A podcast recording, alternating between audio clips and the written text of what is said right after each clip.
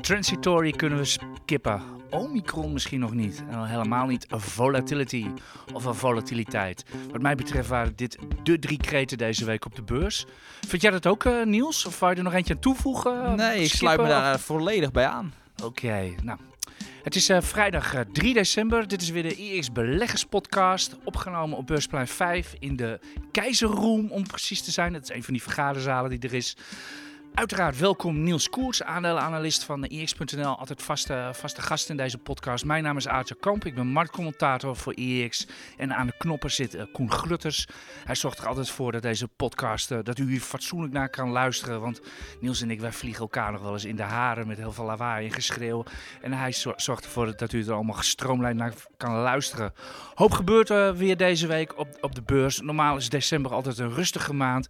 Dit jaar niet. We zijn, we zijn twee dagen onder weg, maar de volatiliteit is hoog. Ik zei, ik zei het al even. Niels, wat was jouw nieuws van de week uh, op de beurs? Nou, toch wel de woorden van uh, Paul dat uh, de inflatie toch niet tijdelijk is, wat hem betreft. Even, jij bent een aandelenman en je begint over de centrale bank. Ja, ja. nou, er was ook niet heel veel aandelen nieuws natuurlijk. Nou, het bewoog wel. Maar ja, goed, daar gaan we het zo meteen wel over hebben. Ja. Nee, maar het, dat het heeft natuurlijk wel impact op de koersen uiteraard. Ik vond dat wel meevallen. Hm. Nou, ja, het ging natuurlijk ook samen met natuurlijk dat er ook wel weer wat beter nieuws over dat Omicron uh, variant kwam. Dus dat, dat kwam goed en slecht nieuws op één zo'n dag. Dus Oké, okay, bespreken we zo meteen verder in het uh, rondje waar we het al, altijd over hebben. Waar gaan we het allemaal, allemaal over hebben vandaag? Marktbreed, we gaan het even, daar gaan we het even flink over hebben, want er zijn echt wel wat dingen aan de hand. Time it's different. In ieder geval wat mij betreft. Ik weet niet eens hoe jij daarover denkt, Niels. We hebben het nog niet besproken eigenlijk. We moeten het uh, hebben over helaas alweer Philips. Dat is echt een drama gaande. En er zijn meer drama-aandelen op het uh, Damrak. we hebben Farmers is een drama, maar daar is verrassend nieuws. Twitter? Twitter, we, gaan het over, we gaan het over Twitter hebben. Ja, Twitter. We gaan het over Twitter hebben. We gaan het over Alberts hebben. Dat is geen dramafonds. Nee, dat is zeker geen dramafonds. En verder, we gaan het over heel veel technologie hebben, want daar is heel veel aan de hand. We hebben heel veel uh, vragen ook weer van u gehad, maar ook heel veel techfondsen, et cetera. Springt nog altijd het meest in het oog. En uh, ja, verder zien we wel een beetje waar we het, uh, waar we het over hebben, Niels. u weet het misschien intussen als u vaak naar deze podcast luistert. We nemen dit redelijk spontaan op. We willen dit niet te veel van tevoren uh, voorbereiden, et cetera. Om er iets van spontaniteit in, te hebben. Het marktbrede rondje. De koersen komen niet zomaar weer terug. Van een dikke daling vorige, vorige week vrijdag was min 3. Omicron was ineens het buzzword op, de, op de beurs. Die nieuwe COVID-19 variant. Maak jij je ongerust dat de, dat de koersschade er nog niet is uitgelopen, Niels? Um, nou, we zijn pas een week verder. Hè? We moeten ook niet overdrijven. Maar dat, dat, dat zit er met name in het feit dat, uh, dat door dat toch wel de woorden van Powell dat bijvoorbeeld inflatie niet tijdelijk is. Want wat we wel zagen voordat hij die woorden uitsprak, was bijvoorbeeld de Nasdaq stond al zo'n beetje weer op een all-time high. Dus, uh, dus uh, ja, dus die had het toen op dinsdag al bijna volledig uh, goed gemaakt. Ja, dan maakte de voorzitter van de centrale bank in de Verenigde Staten eventjes een einde aan. Ja, maar ik ben het niet helemaal met je eens. Wat, heeft, wat heeft hij nou wezenlijk? Wat was nou de gamechanger in de woorden van, van Paul? Even, even ter memorie. Hij, uh, het was eigenlijk gewoon een routineklusje. Uh, de voorzitter van de FED die moet gewoon eens per half jaar moet die verantwoording afleggen aan de Senaat. Ook eens per half jaar aan, de, aan het congres. Hoe, nee, Huis van Afgevaardigden. Hoe zit het allemaal in elkaar daar? In ieder geval, hij moet regelmatig verantwoording afleggen. Deed hij afgelopen dinsdag. Zijn speech was van tevoren bekend. Er stond niet zoveel bijzonders in. Maar toen ging hij spreken en toen heeft hij echt dingen gezegd. Ja, ja kijk, en vergeet ook niet dat... Uh, nog, even, nog even snel, ja. wat heeft hij precies gezegd? Uh, nou, hij gaat sneller verkappen en dus waarschijnlijk ook sneller eerder de rente verhogen. Dat zag ik niet aan de data terug. Uh, ik heb naar de. Ik kijk vooral naar de, naar de vet renteverwachtingen. Ga maar kijken. Dat vindt u op CME. Uh, moet, moet even googlen. Dat vindt u op CME Vet Fundwatch. Even uit mijn hoofd. Er staat helemaal ingeprijsd tot ergens ver volgend jaar van uh, wanneer de markt denkt met welke rentestanden we van de vet te maken hebben. Daar heb ik geen verschuivingen in gezien. Het staat nog steeds voor juni volgend jaar staat, staat de eerste renteverhoging gepland. Dus ik denk dat het verhaal van Powell helemaal niet zo'n gamechanger was als van de week. Is het niet, zo dat, dat, is het niet zo dat dat later dat met een bepaalde vertraging vertraging komt dat die verwachtingen worden uh, bijgehouden? Nou, er zit een kwartiertje vertraging op die koersen, geloof ik. Oké, dus het is niet zo dat daar... Dat, nee, maar het is niet zo dat die verwachting dat, dat, dat er een paar weken overheen gaat. Nee, nee, nee. Maar het is wel zo, er hoeft maar iemand wat, wat te roepen of wat dan ook. Of het kan weer helemaal anders zijn daar, hoor. Het kan soms echt heel snel gaan. Dus, uh, dus dat voorbehouden is er wel. Maar ik, ik vind het wel meevallen. Aan de andere kant zie ik wel weer de rentes kelderen. En dat is eigenlijk wel de koers waar ik het meeste moeite mee had zelf deze week. Ik heb ook bij uh, mijn rentespecialisten zeg maar een rondje gehouden. Zo van, jongens, hoe kijken jullie er tegenaan? Nou, bijna alle antwoorden die ik terugkreeg was met een vraagteken erachter. Dus die, uh, dus die twijfelen ook een beetje. Maar in ieder geval, ik zie aan die, die lagere rentes, zie ik niet af dat, dat de markt echt op dit moment heel veel hogere rentes gaat verwachten. Nee, want dat zou je wel verwachten op het moment dat Paul zegt, hè, tussen de neus en lippen door van nou, we gaan sneller de rente verhogen. Precies. Dan zou je daar een, ook een hogere rente horen, bijvoorbeeld zien bij de uh, kapitaalmarkt, bijvoorbeeld bij de, de tienjaars uh, rentes van bijvoorbeeld de Verenigde Staten. Maar die ging juist omlaag. Ja, en dan is het ABC'tje weer helemaal uh, wat we dit jaar de hele tijd hadden. Hogere inflatie, dus hogere rente. Ja, het is weer aan diggelen, want, want, want de rente is weer lager. Hoe kan dat nou weer? Ja, misschien wel een economische, uh, ja, economische onzekerheid. De markt uh, vlucht dan weer in veilige staatsobligaties, heet het dan. Misschien moeten we het wel gewoon in die, die hoek zoeken. Gewoon simpel, flight to safety. Toch blijft het, blijft het ook wel dagkoersen. En om dagkoersen te voorspellen, dat is zo, of te, ja, te verklaren is zo ongelooflijk lastig. Ja, maar het, het rentetrendje is wel even omlaag hoor. Ja. Maar inderdaad, je, je relativeert het wel goed hoor. Want we, we gisteren het stond op het bord AX 773, 37 uit mijn hoofd. En dat is nog geen 7% onder de top. Dus uiteindelijk, ja, voor 2021 begrippen is dit echt de grootste dip die we nu hebben. Echt, de volatiliteit is ook op dit moment erg hoog. Dat, dat ziet u goed aan, aan, de, nou, aan de AX bijvoorbeeld en al die, uh, al die aandelen. Ieder uur dat je kijkt staat er weer een compleet andere koers. Het beweegt echt heel wild. En op het moment dat je denkt van we gaan eraan, dan trekt het weer bij. En op het moment dat je denkt van nou, er komt opluchting, dan, uh, dan, gaan, we weer, dan gaan we weer lager. Het hoort er een beetje bij op dit moment. Wat was er nog meer uh, deze week? Ja, heel veel gedoe over Omicron. Vind jij dit echt een factor voor de beurs, uh, Niels? Maar ja, ik weet nog dat we vrijdag waren we nog allemaal in rep en roer van wat, uh, ja, wat staat er te gebeuren. Want er was toen wat minder uh, ja, over bekend dan dat nu het nou, geval nou, alles is. was onzeker op dat moment. Zeker. Dus, dus, maar wat wel al bekend was toen, was al dat met name dat bijvoorbeeld Pfizer had gezegd op het moment dat, uh, toch, uh, dat we een nieuw vaccin moeten maken, kunnen we dat ongeveer binnen twee maanden kunnen dat regelen. En als je dat weet, dan is de kans ook wel vrij aannemelijk dat het niet echt een gamechanger is. Ja, tenzij dat het ineens een gruwelijk uh, uh, erg virus is als het gaat om... Uh, ja, nu blijkt het alleen besmettelijker te zijn, maar ja, toch wel redelijk mild. Maar als dat niet het geval was, was het wel anders geweest. Maar het feit dus dat die vaccinmakers daar zo snel weer hun vaccin op kunnen aanpassen, maakt het voor mij ook geen gamechanger. En daardoor kocht ik al wat bij. Ik ga liever uit op anekdotisch materiaal van Zuid-Afrikaanse artsen dan van, uh, dan van inderdaad van een Pfizer-CEO. Die gewoon door CNN geïnterviewd wordt terwijl hij gewoon zijn eigen beurskoers voor zijn neus heeft. Want dat doet hij natuurlijk wel. En ja, die preekt natuurlijk voor eigen parochie. Ja, dus, uh... ja dat klopt. Maar hij, hij, kan wel gewoon een inschatting maken dat, dat hij daar heel snel... En dat, dat was eigenlijk al wel bekend dat als zo'n virus gaat muteren, dat die vaccins daar relatief gemakkelijk op kunnen worden aangepast. Laten we, laten Omdat die techniek ja, hetzelfde laten we het in ieder geval maar hopen. En laten we hopen dat die, dat die uitrol van die, van die pil die er ook moet gaan komen, dat, die, uh, dat het een beetje soepel gaat. Die, die, pil van Merck gaat het hem niet echt worden. Nee, maar die, die, van, nou, die van Pfizer ja. is de hoop op gevestigd. En uh, Zuid-Afrika is al aan het voordringen. Zo van uh, bij Pfizer van mogen wij eerst. Dus misschien even een tip aan Hugo de Jonge, als die mocht hij toevallig mee luisteren, niet weer bij een, een of andere fotograaf. Ja, maar wij, wij hadden ook de kans om, om extra te bestellen van die ja, pil. we hadden de kans, maar is het ook gebeurd? Nee, hebben we niet gedaan. nou ja, laten we het er verder maar niet over hebben. Daar kunt u, daar kunt u onbeperkt uw mening op Twitter over kwijt, et cetera. Al het vaccin, gedoe, et cetera. Daar bemoeien wij ons niet mee. We hebben het liever over de markt en, uh, en aandelen. Ja, ik, ik zei het al even aan het begin van deze podcast. Wat vooral, wat tenminste mij heel erg opviel en al opvalt de laatste week, is dat technologie heel slecht ligt. Met uitzondering eigenlijk van Big Tech. Als je kijkt naar al die, die, die, die kleine, kleine tech-aandelen die het zo goed gedaan hebben afgelopen jaar. En dat zijn meestal aandelen met enorme groeipotentiëlen, enorme fantasieverhalen. Maar heel weinig fundamentals doorgaan en torenhoge waarderingen. Nou, die zijn er bar slecht aan toe. De, Nasdaq 100, de technologie-index, die wordt echt overeind gehouden door Microsoft, Apple en uh, Google, Alphabet. En ja, er was van de week ook een haarscheurtje Apple, uh, Niels. Ja, weet jij meer van? Ja, dit keer was het niet zo dat ze minder uh, smartphones gaan leveren vanwege tekort aan onderdelen. Nee, ze zeggen, geven nu ook aan van nou, er is de vraag valt ook een beetje tegen. En dat heb ik bij Apple nog niet zo vaak eerder uh, gehoord. nee, ik kan me nog wat even denken hoor. Dat was begin 2019. Toen begon het jaar met een omzetwaarschuwing van Apple. Ja. Daar was, werd iedereen even heel erg stil van. Was meteen op 2 januari of zo, de eerste beursdag van het jaar. En, dat, was, ook het laatste punt van het jaar. Ja, dat was ook meteen de bodem. dat, was een, was een fantastisch koopmoment.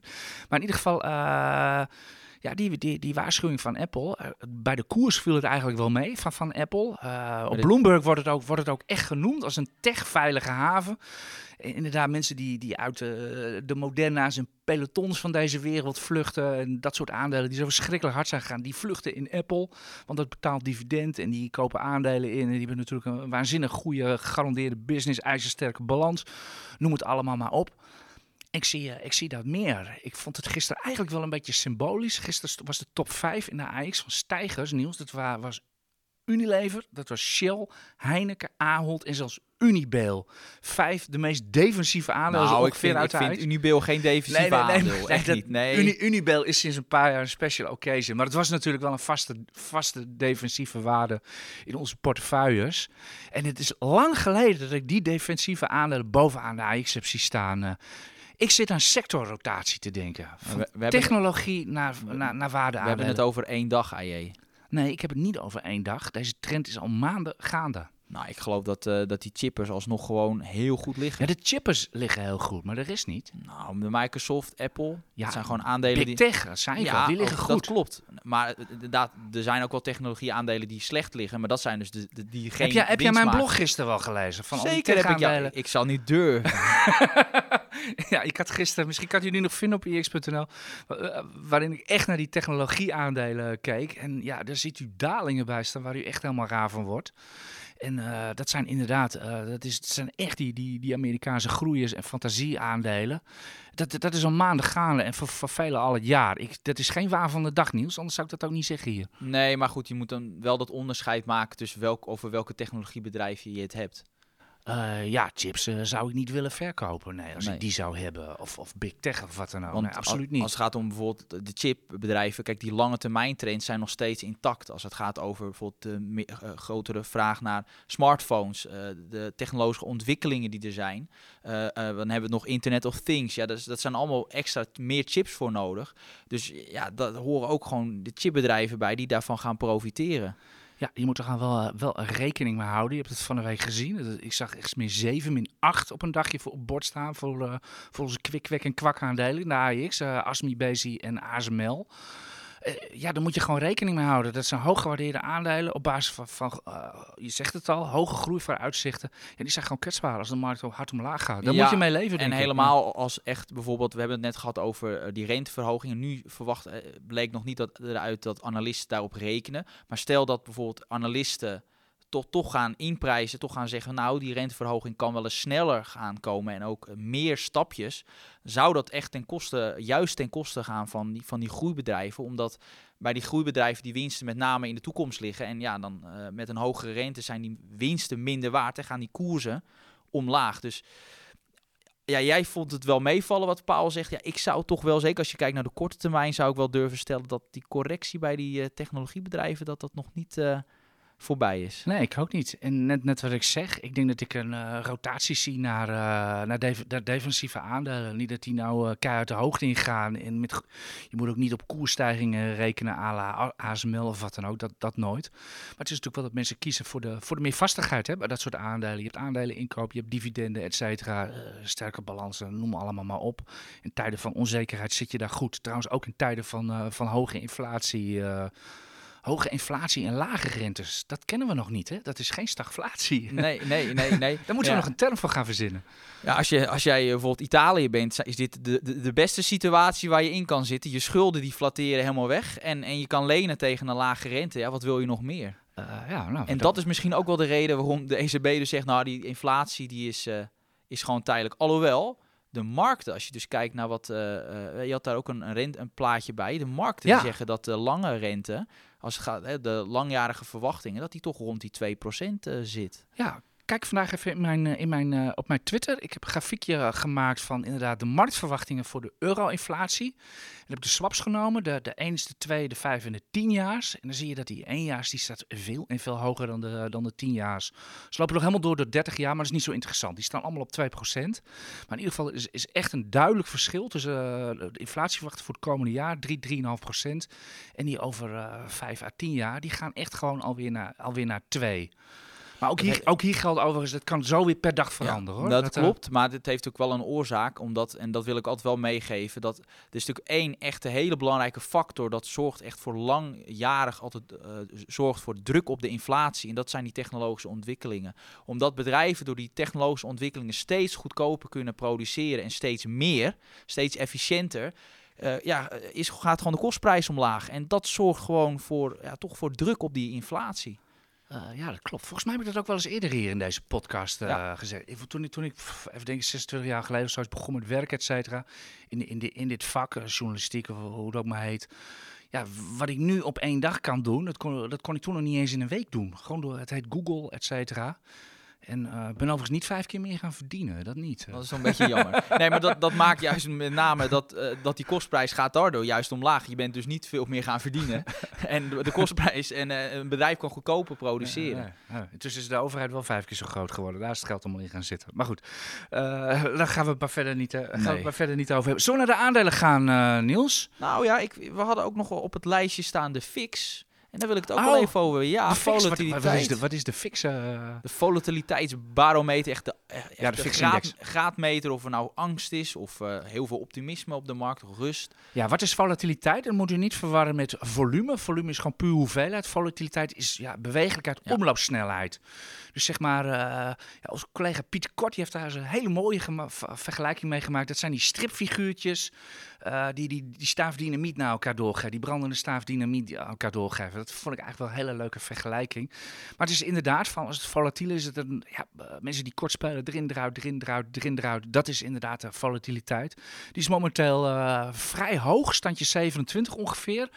En, en ja, die spoot afgelopen vrijdag eh, omhoog. Plus 54 En procent. dat was dus de op drie na snelste stijging sinds de meting in 1990. En het was zelfs zo dat de daling, de ergste daling in maart 2020 vanwege corona. Zelfs toen was de volatiliteit, eh, die stijging op één dag, was niet zo groot als dat die afgelopen vrijdag was. Dus er was echt wel, nou, mag wel een beetje van paniek, mag je toch wel spreken. Eh, ja, er, zijn niet, er zijn niet echt eh, officiële maatstaven voor. Hè. Die, die FIX-index, volgens mij de laatste stand die ik zag was 27. Dat is het niveau redelijk Ja. laag nog. Ja, nou, wa- wat, wat is ongeveer, eh, wat, wat zijn ongeveer, wat moet u zich bij voorstellen bij digitale? Eh 20, standje 20, dat, dat heet de officieuze nervositeitsgrens.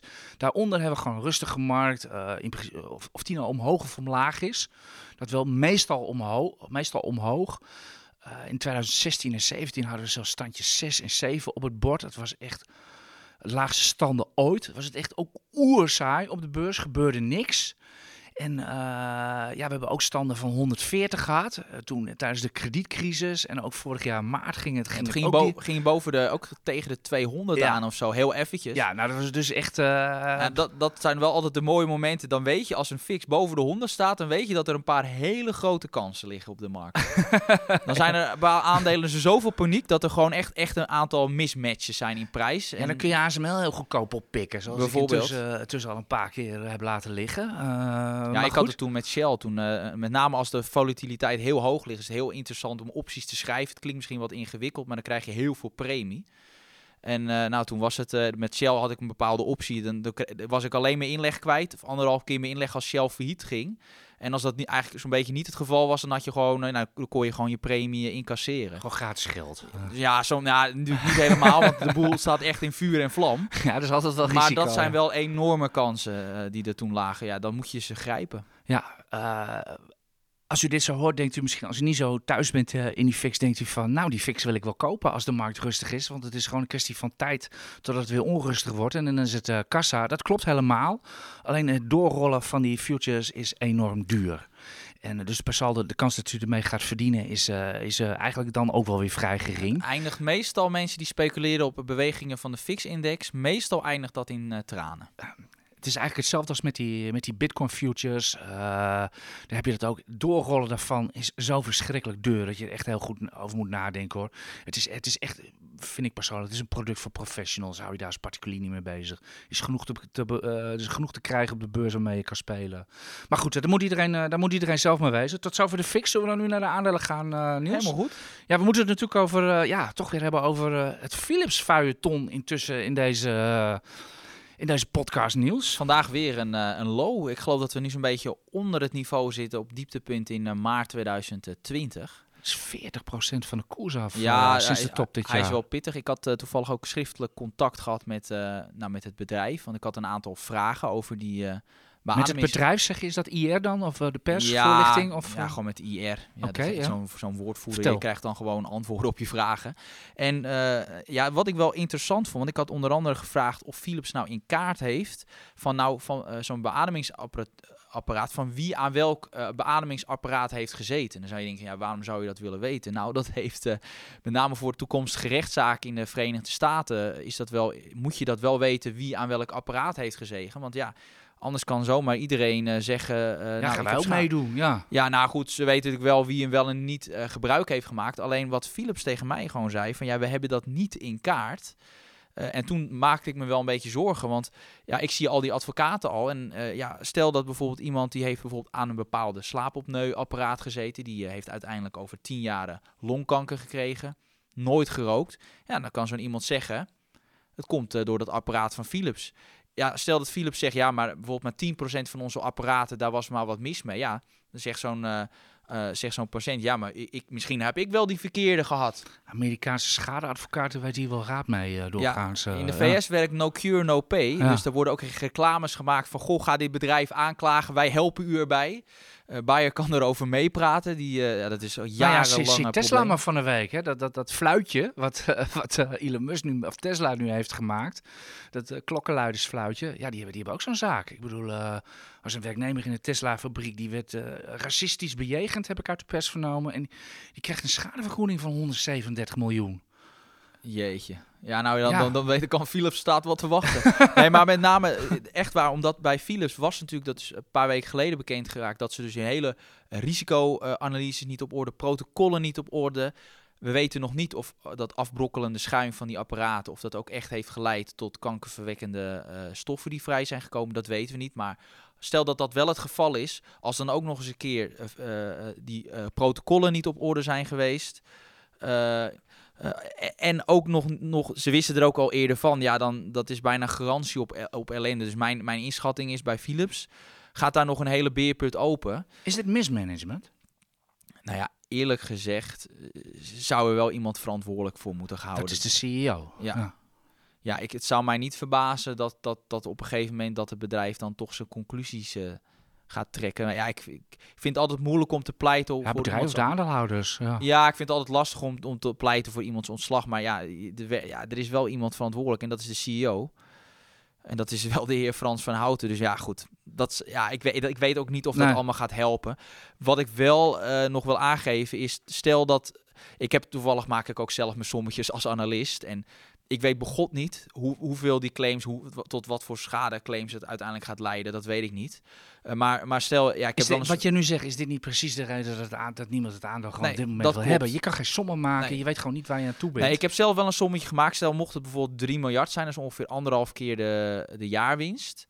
Uh, dan, dan, en stel dat dan gewoon de verwachting ongeveer dat dat een beetje uitkomt. En dan kom ik op 45 euro uit. Ja, dan zit je wel op, op 40% potentieel. Uh, op de korte termijn. Alleen, zo'n aandeel blijft vanwege deze onzekerheid gewoon heel lang. Dat kan jaren duren, het kan zo vijf jaar duren onder zijn intrinsieke waarde eh, noteren. Dus ja, er zit heel veel onzekerheid bij. En daardoor eis ik ook gewoon een hoge ja, soort van korting, veiligheidsmarge. Het is net hoe je het wil noemen.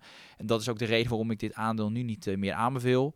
Ik heb ze zelf wel, maar goed, ja. Dan, je houdt ze? Of ja, omdat ze zitten wel echt onder de, onder, echt wel onder de intrinsieke waarde. zelfs, en de daling heb je nu toch al gehad. Zeker, en dus zelfs met, met een forse schade, ik bedoel 3 miljard is echt fors voor een bedrijf als, als Philips. Dat kunnen ze gewoon nog hebben en dan, dan zit ik op 45 euro. Ja, dat vind ik... Kijk, stel dat de koers nu 38 was geweest, dan had ik gezegd van nou, dan kan je er nog wel afscheid van nemen tegen die koers. Maar nu... Uh, niet top 30. Dat, uh, dat doe ik niet. Oké, dus er geen, op dit moment even geen reden meer om nog fit te verkopen. Nee, maar, ze maar, staan ook niet, juridisch... maar ook niet om te kopen. Nee, ze staan juridisch heel zwak. Maar uh, ja. wat is anders. Maar, zijn... maar, in ieder geval, Philips is, is volgens mij in ieder geval geen Enron, om een roemruchte nee, naam van, van de ja. week uh, te noemen. Daar weet je alles van, ja, Enron. Ja, ja, waarom noem ik... Ja, het is voor mijn tijd, want toen dat speelde was ik net zes geworden.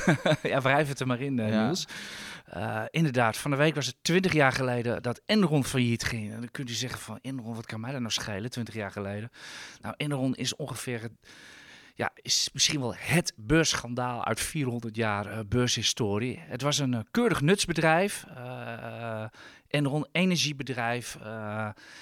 ja, en dat eindigde als een, ja, een, als een handelshuis on steroids, waar ze werkelijk alles deden wat, wat, wat, wat, wat God, wet en SEC verboden hadden. Laat ik het zo maar zeggen. Die, uh, de toezichthouder. Ja, echt ongelooflijk. Dat hing helemaal van fraude en ellende aan elkaar. En, uh, twintig jaar geleden ja, was twintig jaar geleden. Op een gegeven moment, op, op, een gegeven moment, uh, op een gegeven moment kwam dat inderdaad uit. En ja, uiteindelijk ging alles kapot bij Enron. het bedrijf ging uiteindelijk bust. Het was, het was echt huge. Het was tientallen miljarden waard.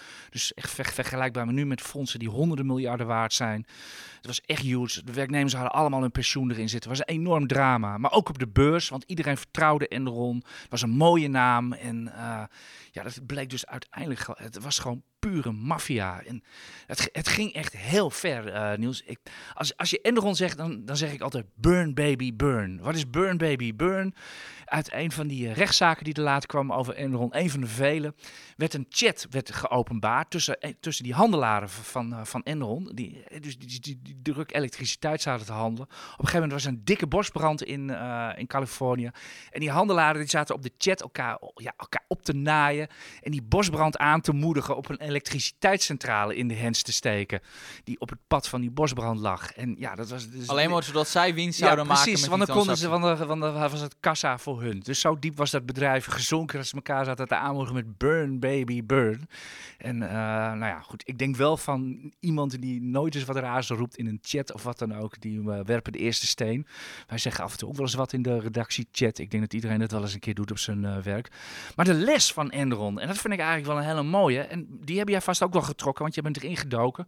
Ik heb zoiets van, en dan kijk ik ook naar Imtech wat wij gehad hebben. Steinhoff wat we de afgelopen jaren gehad hebben. Wirecard is natuurlijk bekend voor, voorbeeld. Als er sprake is van fraude, moet je wegwijzen. Ja, maar er is bij Philips geen sprake van fraude, hè? Nee, absoluut niet. Nee, maar ben je dat ermee eens? Dat als, er, als het woord fraude valt, dat je weg moet wijzen? Ja. Nee, dat is, uit de historie blijkt dat het best wel een, gewoon een goede keuze. Bijvoorbeeld bij Imtech is ook mooi. Toen, uh, nou mooi, het was geen mooi verhaal, maar toen dat naar buiten kwam, toen kon je op de eerste dag, ging je bijvoorbeeld min 50 En dan kon je nog op een redelijke koers kon je eruit. Ja, maar iedereen zag dat als een koopmoment. Nou, dat bedoel ik. Want ik weet nog, ik weet nog in die tijd ben ik ook op die fora ben ik gaan, gaan, ja, gaan bladen. Dus gewoon ja, neuzen, ja, waar ellende is. Ja, het is toch een beetje... Het Imtech Forum is legendarisch. Ja, daarom. Dus ja, je kijkt daar toch naar. Uh, zeker als je er zelf geen last van hebt. Het uh, is een stuk makkelijker. Maar goed. En dus ik echt hoeveel mensen dat wel niet een koopkans uh, noemden. En dat, dat zit dan toch weer in, ja, het heeft in het verleden op twee, en toen op 32, dus het was toen 16. Ja, je ziet dan ineens. Imtech een is een mooie naam. Ja. En, uh, moet goed komen. Maar goed, ik ben ja, er zelf ook in gestonken hoor, net als iedereen. Uh. Ik bedoel, het probleem, het, het, bedrijf had op papier gewoon winst. Alleen, uh, ja, er werd gewoon geen geld verdiend. En ja, dat, daarom maakt het nog wel uit. Dat is de, bijvoorbeeld de reden waarom wij analisten kijken naar de vrije kaststroom. In plaats van de winstgevendheid. Want de winst, die, die was er wel bij Imtech. Alleen er werd gewoon vrije kaststroom was altijd negatief. Er werd gewoon geen geld verdiend toen. En daaruit kon je het ook een beetje zien van, hé, hey, hier klopt iets niet. Omdat altijd die vrije kaststroom was structureel lager dan de winstgevendheid. En dan gaan er wel wat uh, rode alarmbellen. Die dat gaan is dan dus af. wat jij ervan geleerd hebt, onder andere. Ja. En Wirecard, je hebt er zelf nog eens zitten handelen, een paar jaar geleden. Ja, ja, dat was wel, uh, ja, dat sloeg eigenlijk helemaal nergens op. Ja, maar dat deed je wel goed. Ik zat erbij. Ja. Dat, was, dat was echt voor het eerst toen Financial Times voor het eerst berichten van uh, er is fraude bij Wirecard. Die koers gingen, die, die kegelde naar beneden en jij kocht het op dat moment, op het moment dat het uh, het, was, het was aan het herstellen. Ja. Toen dat bericht kwam heel snel uit van ontkenning en toen zag je die koers herstellen en dan is het gewoon niet nadenken en dan is het gewoon voor dat korte ritje Ja, maar dat is echt daghandel. Nee, maar, maar bij Wirecard zag je precies hetzelfde patroon als wat je ook bij Imtech zag, bij Steinhoff en ook bij Enron. De beschuldiging is er, dit keer in Financial Times bij Wirecard, er is fraude. De glasharde ontkenning en vervolgens krijg je touwtrekken, het De- dreigen met... De toezichthouder Rechtszaak- die ging achter de Financial Times aan, hè, in plaats Ja. van eh, andersom. Ja, inmiddels zit de Duitse justitie achter de Duitse toezichthouder aan, geloof ik. Want daar hebben wat dames en heren eh, buiten hun boekje eh, gehandeld, et cetera. Maar in ieder geval, dan zie je, en dat zag je ook bij Enron. En daarom zie je zo'n koers als een fraude is niet in één keer naar beneden gaan. Er is telkens weer hoop en iedereen ziet weer een koopmoment, et cetera, et cetera. Dus voordat het naar nul gaat, eh, ben je wel even onderweg. De kans, als het echt grootschalige fraude is, is dat de kans dat het naar nul gaat, is best wel groot. Ook omdat wanneer blijkt dat het echt het geval is, gaan ook de grootste klanten weg. Want dat is ook de reden waarom natuurlijk Wirecard eh, kapot is gegaan. Eh, zat niet alleen maar omdat die, die cash verdwenen was, nee. Ook omdat weg. grote klanten gewoon weggingen. Die gingen naar een andere partij, Ja, gebeurde, ook, gebeurde ook bij Imtech. Daar liepen Ja. klanten ook weg. En dat is uiteindelijk de nekslag voor dat soort bedrijven. Oké. En ik, eh, ik had ook nog een, eh, een obligatiehandelaar die reageerde er ook nog op. Die zei van, ik kocht eh, Enron op 5 euro of 5 dollar. Het was al bijna helemaal kapot, want het was, want het was zo'n mooi bedrijf. Het was zo'n mooie naam. Hij gaf het eerlijk toe. En ik vroeg hem nog, wat heb jij ervan geleerd? Hij zei van, koop nooit een aandeel wat in een hele lange downtrend zit. Je hebt altijd nog genoeg kans als de trend weer gebroken is. Ja, Hoe denk jij erover? ja, nee, ik ben het helemaal met hem Ook, eens. want kijk, of je Enron nou op 30 dollar kocht of op 5, als het naar 0 gaat, je beide 100% verlies. Ja, ja, ja. En daar denk ik ook bij bijvoorbeeld, eh, bij bijvoorbeeld aandelen als Just Eat Takeaway, waar ik veel vragen over krijg. Dat zit ook echt in een lange downtrend, al van een jaar of wat dan ook.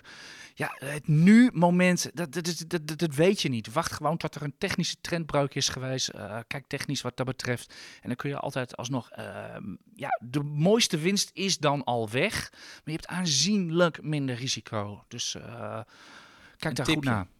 Ja, nou, zo'n tip uit deze. Goed, dat waren alle, alle fraude en ellende gevallen. Zullen we gewoon eens naar de Ja, nee, we doen, nog één, we doen nog één leuk aandeel. Voor de, voor de, waar ook nog wat leuks over te melden is. En dat is voor Farmers. Dat overigens ook in een waanzinnige downtrend zit. Dus wat dat betreft hoef je het ook niet te kopen. Ja, bij Maar dat is heel verrassend nieuws deze week. Ja, het management van For Farmers dacht niet van nou we laten even de koers uitrazen. Nee, nee, nee. Die denken van we gaan even flink eh, kopen. Eh, want ze hebben aangekondigd ja, 10% van het aantal uitstaande aandelen in te kopen. En daar komt bij dat ze ook nog eens een keer 7,5% dividend geven. Dus eh, Gratis geld hoor ik hier, eh, Niels. Ja. En dan gaat bij mij altijd een rood vlaggetje wapperen. ja, kijk, het is natuurlijk wat, wel... wat, is, er- wat, wat, is de, wat, wat is de verdrein natuurlijk bij voor Er is natuurlijk wel een reden waarom, waarom dat bedrijf, waardoor die koers zo slecht ligt. Nou, één, het is een veevoedersbedrijf. En ik weet niet, ja, er zullen we mensen wel eens de politiek volgen. Maar ik geloof dat ik een keer iets voorbij heb zien komen van halvering van de veestapel. Ja, als er minder eh, ja, vee is, ja, is er ook minder behoefte aan, eh, ja, dat, eh, aan voer. En we zitten natuurlijk ook met kweek, eh, vlees natuurlijk zit je naartoe. Dus ja, het is natuurlijk wel een, een bedrijf dat opereert in een markt ja, op lange termijn ja, toch lastig is. Ik zeg niet dat je eruit moet, hè, dat zeg ik zeker niet. Want we zijn als de desk op zich nog best wel enthousiast over het bedrijf. Ook omdat dit wel een hele sterke speler is binnen wel een hele moeilijke sector. ja, dat, is, dat is eigenlijk weer het drama. Het is eigenlijk een heel mooi bedrijf. Ja. En, eh, En ze hadden natuurlijk een Ja. hele sterke balans. En wat, aan de ene kant ben ik wel blij met dat nieuws, want ja, voor aandeelhouders is dat wel gunstig. Maar ik had toch een beetje verwacht dat ze hun sterke balans hadden ingezet om gewoon voor een, ja, voor een dubbeltje op de eerste, rij te, de eerste rij te zitten en dan gewoon concurrenten over te nemen. Want je zou denken dat met name die kleinere partijen, die worden er nu uitgedrukt. Eh, dus ik dacht van dat daar misschien wel kansen liggen. Maar blijkbaar ziet het bedrijf dus niet zozeer kansen in de eigen business. Maar denken ze, nou dan kopen we op deze koers eh, massaal ja, aandelen misschien ook wel echt een gebaar naar de beurs toe, eh, denk ik. eh, Ja, het dit. management zegt in Ja. feite dat, eh dat het aandeel veel te goedkoop is. Alleen dat is een goed signaal. Alleen het is niet een signaal dat dat ook daadwerkelijk het geval is. Want ik weet een ander voorbeeld, dan gaan we heel raar van voor farmers naar Alphen. Maar al- bij Alphen die heeft, heeft het hele management al hun aandelen verkocht op een koers die zo'n beetje 30, 40 procent lager staat dan nu. Dus toen gaven het management aan, nou het is veel te duur. Maar de markt denkt er iets anders Ja, over. ja, die werden echt heel slecht zitten timen. Vooral, Ja. Eh, vooral de CFO. eh. Ja. ik vind overigens als CFO verkoop je niet al je aandelen. Maar goed. Je geeft daar een duidelijk ja. signaal mee af. Maar Maar goed, in dat, dat, hebben we uit de treur eh, besproken. Oké. Maar wat, wat, wat vind jij, wat hebben jullie voor farmers op? Hebben, Ja, we hebben, wel een, we hebben een buy-advies. maar wel omdat het dus de sterkste speler binnen die sector is. Alleen de sector aan zich ben ik niet heel enthousiast over. Maar als bedrijf, als je de sterkste speler bent, kan je ook gewoon... Er is gewoon een mogelijkheid dat je ook groeit in een kringmarkt. Omdat gewoon partijen eruit vliegen. Ja, kijk naar KPN natuurlijk. Dat is ook wel een mooi voorbeeld van. Of, eh, Vind je dat een mooi aandeel? Eh, nee, maar die, Oh. zitten, die, die krimpen natuurlijk ook. Maar die weten er toch gewoon iedere keer weer meer, eh, meer, meer winst uit te halen. Ja, en de tot- dividenden totdat-. Totdat er het moment komt dat ze flink moeten investeren. ja, de keer, ja, er zal ooit een keer het moment komen. Zullen we maar eens even naar de lezersvragen gaan? Want postzakken vol weer, Niels.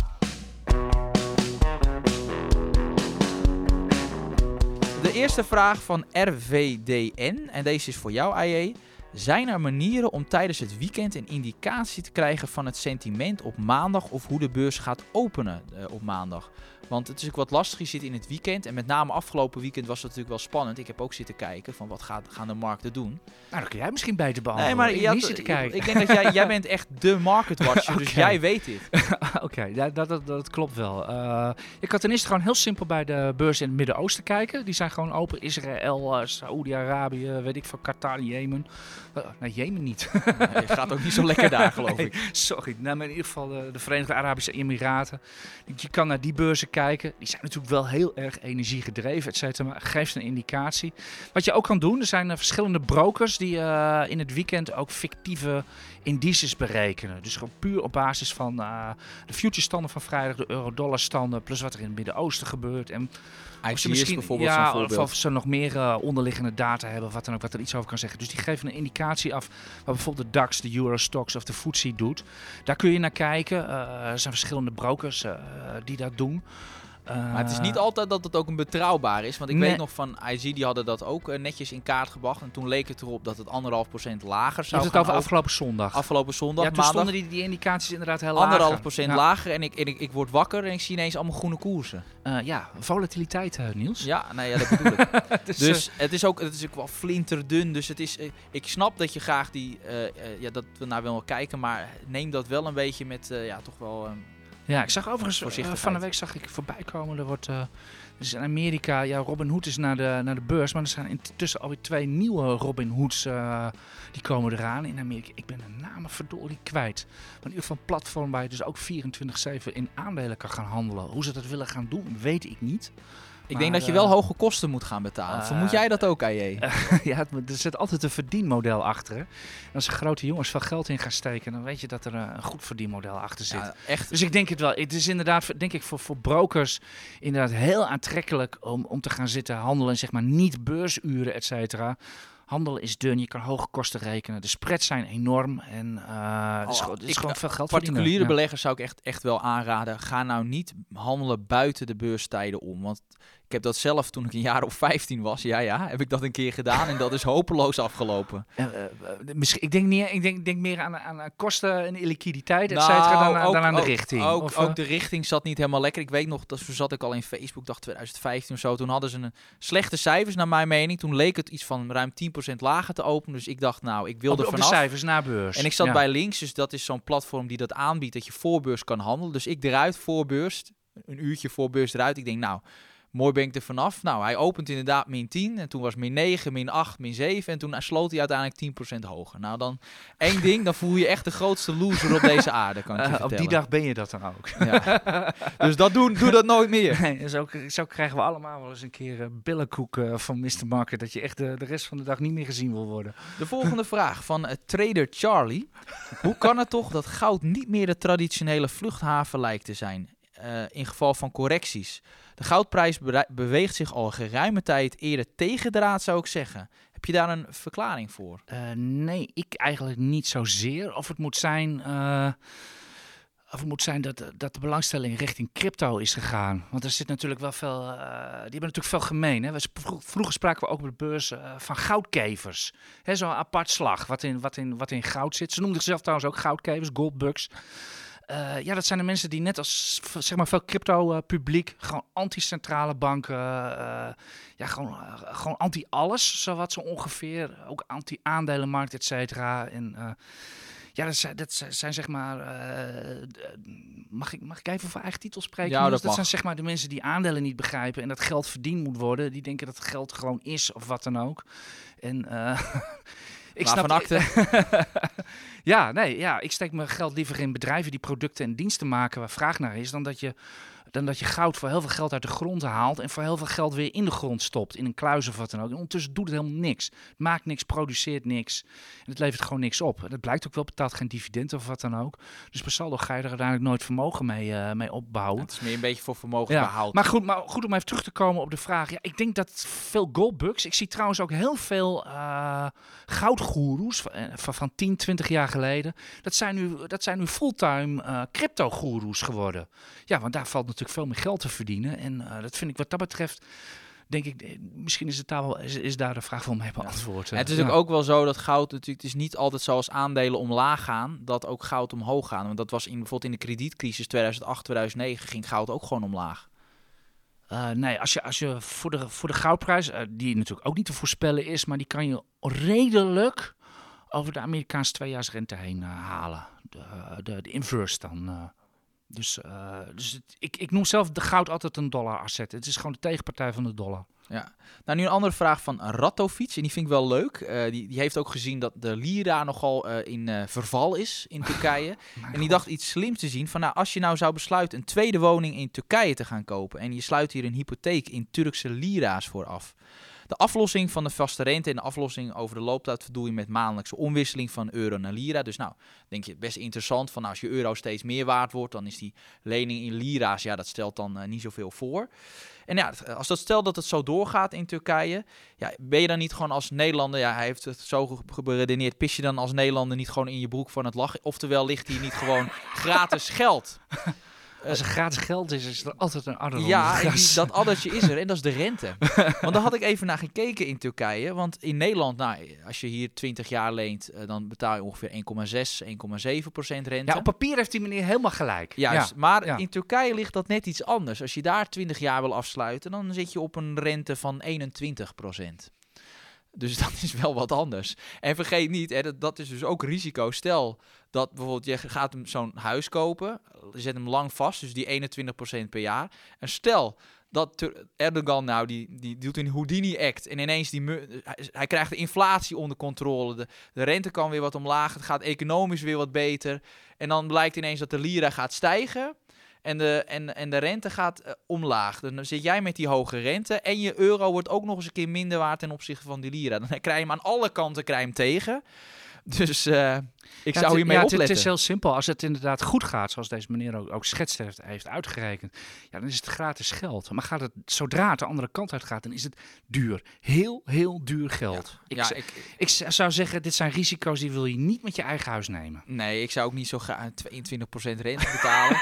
met, een, met een valutarisico dus, wat ik net zei. Ja, dat zijn hele hoge risico's. Kijk, als blijkt dat die hele lira in elkaar pleurt, om het maar uh, Hollandse... Dat te- is, dat is hij aan het doen. Dat is hij. Maar stel dat hij halveert, ja, dan is het natuurlijk een. al- Maar je weet, het- je weet nooit zeker dat die lira de komende tien jaar maar blijft dalen. Want misschien komt er wel in iemand anders in de regering. eh, Erdogan wordt vervangen. Iemand die wat beter economisch beleid gaat Ja, ik heb voeren. geen idee of hij nog steeds zo populair is. Eh, Als mensen van hun geld afraken, dan is meestal de sympathie snel verdwenen. Ja, want hij heeft Maar- het natuurlijk verkregen omdat hij het economisch natuurlijk op de rit Ja. had gekregen. Alleen dat brokkelt nu natuurlijk Ja, weer ik, af. ik weet verder niks van, van Turkse economie en zo. Dus Nee. ik, ik bemoei me er nee, maar dit niet is mee. dus een. Wat je wel van de week zag, was de Turkse centrale bank deed een monetaire actie. Die gingen dollars verkopen om de lira te ondersteunen. En dat mislukte falikant. Dit is ook les 1 op de beurzen ongeveer. Ga geen armpje drukken met de valutamarkt. Dat verlies je altijd. Ja, en toen dacht Erdogan van, nou, ik moet toch iemand de schuld geven. En toen heeft hij de minister van Financiën eruit gekikt. Ja, maar de directeur van de centrale bank toch ook, of niet? Nee, ik dacht wel dat- Maar vooral die de- mag blijven. Ja, dat dacht ik wel. Ik geloof dat de minister van Financiën, die, eh, die moest het Ja, eh, nou, in veld ieder geval bij, bij iedere, bij iedere renteakkefietje in Turkije rollen er inderdaad wel weer koppen. Ja, Ja. Volgende vraag. eh. Best, ja, van Davy van Hattem. Beste AJ en Niels, wat vinden jullie van de suggestie om contrair te beleggen in Just Eat Takeaway? Hebben het al een beetje over gehad. Corona zal een positieve impact hebben op de resultaten. En, ja, de maaltijdbezorgingsmarkt is op lange termijn een groeimarkt. En Just Eat heeft toch ook wel een sterke marktpositie in Europa. Wat, hoe, ja, vind, je, vind je niet dat het aandeel gewoon goedkoop is? Pff, goedkoop is natuurlijk sowieso heel moeilijk altijd te bepalen met een, groeia, met een groeiaandeel. Eh, ja, ik kijk eerlijk gezegd zelf ook wel een beetje eh, met verbazing naar Just Eat Takeaway. Ehm, ja, blijkbaar vindt... eh, de markt is even niet zo enthousiast. Ik kan, ik kan, ik kan er niks anders is van maken. veruit Heel veel concurrentie. Het- en, het is veruit de goedkoopste speler binnen zijn sector. ja, ik moet eerlijk zeggen dat ik ook wel een beetje zit te kijken zo van wanneer komt er eens een bot op Just Eat Takeaway. Ja, ja. ja. dat, dat, ja, ik denk dat veel aandeelhouders er nu wel een beetje om zitten. Ja, dat is Ja. misschien wel te hopen. Maar waar je wel mee op moet letten is, het is de goedkoopste partij in, binnen de sector. Maar dat heeft ook, ook een reden. Want ze hebben natuurlijk dat Grubhub gekocht. En ze gaan natuurlijk in Duitsland, krijgen ze ook weer concurrentie van dat Delivery Hero, geloof ik, uit mijn hoofd. Ja, die, die markt, die, die hele bezorgersmarkt is echt uh, ja, is in het waanzinnig. Verenigd, Ja. in Duitsland gaan ze meer concurrent krijgen, concurrentie. En in het Verenigd Koninkrijk komt ook dat Amazon, geloof ik, eh, had, had met, ik weet niet meer, ik dacht met Uber een deal gesloten. Weet ik niet meer precies hoor, uit mijn hoofd. Dus de, de- in hun belangrijkste markten, zijn, eh, VS, Duitsland, Verenigd Koninkrijk, is veel concurrentie. Dus ik zou, ik, laat de koers even uitrazen. Ja, volgens mij hebben we het ook al gezegd. Van, het is gewoon een neergaande trend. En zolang die neergaande trend loopt, eh, ja.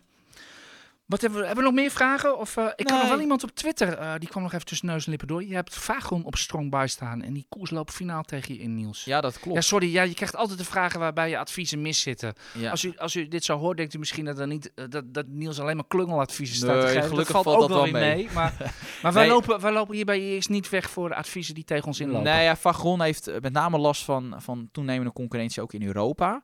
En waar ze eh, begin dit jaar ook eh, wat, wat, wat tegen zat, was met die valuta's in, in het buitenland. Ze zijn ook groot in opkomende markten. Ja, Zuid-Amerika, dus da daar hadden ze last van. En die gestegen grondstofprijs is ook een probleem voor hun. Dus ik Ze zag hebben het vandaag in de even tegen Ja, ik zag vandaag nog in de gauwga dat ze hun bestuur veranderen. Is er, is er hommeles bij het bedrijf? Of? ja, ik, ik heb dat, dat weet ik niet. Ik weet niet wat, wat, wat de reden Nee, ik daarvoor verras is. je ook met deze vraag. Je hebt me niet voorbereid. Nee, dus, maar eh, goed, ik heb, wel, ik heb wel een reden uiteraard waarom het gewoon zo slecht ligt. Maar ik vind, ja, naar mijn, ik ben nog steeds enthousiast over het bedrijf. En ik wacht eh, de jaarcijfers met veel... Heb jij eh, ze of niet? Nee, dat niet. Ja, kan niet alles hebben. nee. Oké, we waren de vragen. Moeten we, hadden we nee, nog een aandeel om te bespreken? Alberts. Ja, echt, we behandelen het bijna nooit. Maar ik wil het toch behandelen, Alberts. Vertel. Ja, het is toch eigenlijk, het is een prachtig bedrijf. Het is een van de mooiste aandelen op Dammerga. Een van de meest lucratief van de afgelopen Ja. 30 jaar. Ja. En ook een bedrijf wat inspeelt in eh, ja, toch ook wel de, de verduurzaming, die de, de duurzaamheidstrend die er gaande is. Want waar zitten zij groot in? In bijvoorbeeld het verduurzamen van, eh, van woningen. Dan leveren ze allerlei producten die dus ervoor zorgen dat het energieverbruik wordt teruggebracht. Eh, dus daar zitten ze groot in. Die halfgeleidersindustrie zit ze in. En duurzame ze, zitten, ze, zitten, ze zitten overal. Ze Ja, en ook in, markt, in de juiste markten. Dus de, de markten die op lange termijn eh, groeien. Eh, ik zit daar zelf ook in, eh, al jaren. En ik heb het aan nooit goedkoop gevonden. Dus ja, ik heb het al zes jaar. En er is nooit een moment gedacht, ik, nou, ik laat, laat ik eens bijkopen. Ik vind het zo goedkoop. Maar het is wel een bedrijf wat levert. En eh, wat op lange termijn Ja, groeit. overigens, Morgan Stanley haalt het vandaag van kopen af. Schrik Ja, maar het, koer, nee, met koersdoel gaat omhoog. Kijk, het aandeel is gewoon hard in koers gestegen. En ja, dan, dan, dan is zo'n lichte adviesverlaging is gewoon het gevolg van de gestegen koers. Oké. Ja, dus ik, ik zei het al even, als je naar het lange trackrecord van uh, Alberts kijkt, is fantastisch. Van het aandeel hoor je zelden wat. Het Het is een heel stil bedrijf of wat dan ook. Dus het, het valt niet echt op op de beurs. Maar kijk er voor de Nee, kijk en, en dat naar. is ook de reden, hè, omdat het bedrijf eh, gewoon eigenlijk nooit in het slechte nieuws komt. Ze doen, voldoen altijd aan de verwachtingen, opereren dus in een markt die op een lange termijn groeit. Dan hoort daar dus ook een hogere waardering bij. Ja, dat, dat, dat, dat zijn niet de aandelen die je tegen acht keer de winst gaat kopen. Zeker. nee, dat, dat is zeker niet. Niels, joh, we hebben alweer eh, ruim drie kwartier volgepraat. Eh, ja, Twitter hebben we eigenlijk, Ja. we ze hadden het beloofd, hè, Twitter. Twitter? ja, ja, we hadden Ah, het aangekondigd. Ah, dan doen we, dan doen we die nog even. Eén zin, eh, geen waarde gecreëerd sinds de beursgang. En wat met name Ja, mij wat, was het? Wat was even snel het nieuws nog Ja, bij de? CEO, de CEO Dorsey, ja. die gaat eruit. Nou, hij heeft er wel goed voor ge- gezorgd dat de aantal gebruikers zijn gestegen. Alleen wat is dus het probleem? Sinds 2015 dat hij er eh, ja, weer zit als CEO, hij zit er nu zes jaar, heeft hij er gezeten, is dus de opbrengst per gebruiker is niet gestegen. En dat is echt heel, slecht voor een sociaal media bedrijf. Want ik had eventjes snel vergeleken met de Facebook. En die, die hadden het eh, wel voor elkaar gekregen. Want die, eh, ja, die hadden eh, dat in twe- eh, 257% laten groeien. Oftewel, de omzet per gebruiker bij Facebook is 257% gestegen. En bij Twitter 0. De, de koers vertelt het hele verhaal. Ja, die ook verder. 0% gestegen per saldo. De beurskoers, of de waarde van het bedrijf is wel omhoog gegaan. Dan denk je, hoe kan dat nou dat de waarde van het bedrijf omhoog gaat terwijl de koers niet stijgt? Er zijn extra aandelen uitgegeven. En keer raden naar wie die gegaan zijn. het personeel, oftewel het bedrijf, zorgt geweldig voor zichzelf. En niet Ja, voor de ja, aandeelhouder. maar waarom begin je eigenlijk over Twitter? Volgens mij interesseert niemand zich voor het aandeel. Nee, dat klopt. Maar ik wilde graag die vergelijking met Facebook even maken. Oké, ja, het dus het is echt, zo, het is echt een aandeel. eh, Omdat journalisten zitten te twitteren, denk je, denken ze dat iedereen dat aandeel ook interessant vindt. Nee, eh, wij kunnen het, ik, kan ik schrijf dan wel eens over Twitter. En dat zijn altijd de, s- een van de slechtst gelezen artikelen van IEX. Sta ik weer onderaan als ik dat stukje eh, schrijf. Maar goed, ik denk ik wil het toch even meenemen voor de mensen. Nou, oké, oké. bij deze dan nog Twitter. Voor wie het dan wel interesseert. Wat u zeker interesseert is wat de beurs de rest van het jaar van gaat bakken. Eh, voorlopig is het nog wel even volatiel. We staan nog altijd wel op een hele mooie score voor dit jaar. Maar eh, we zitten nu toch wel even in de meest extreme dip van dit jaar. En dat is maximaal min 7%. Zo'n beursjaar is het dan ook alweer. Ik wens u een heel prettig weekend. Succes volgende week op de beurs. En tot volgende week weer vanaf deze plek.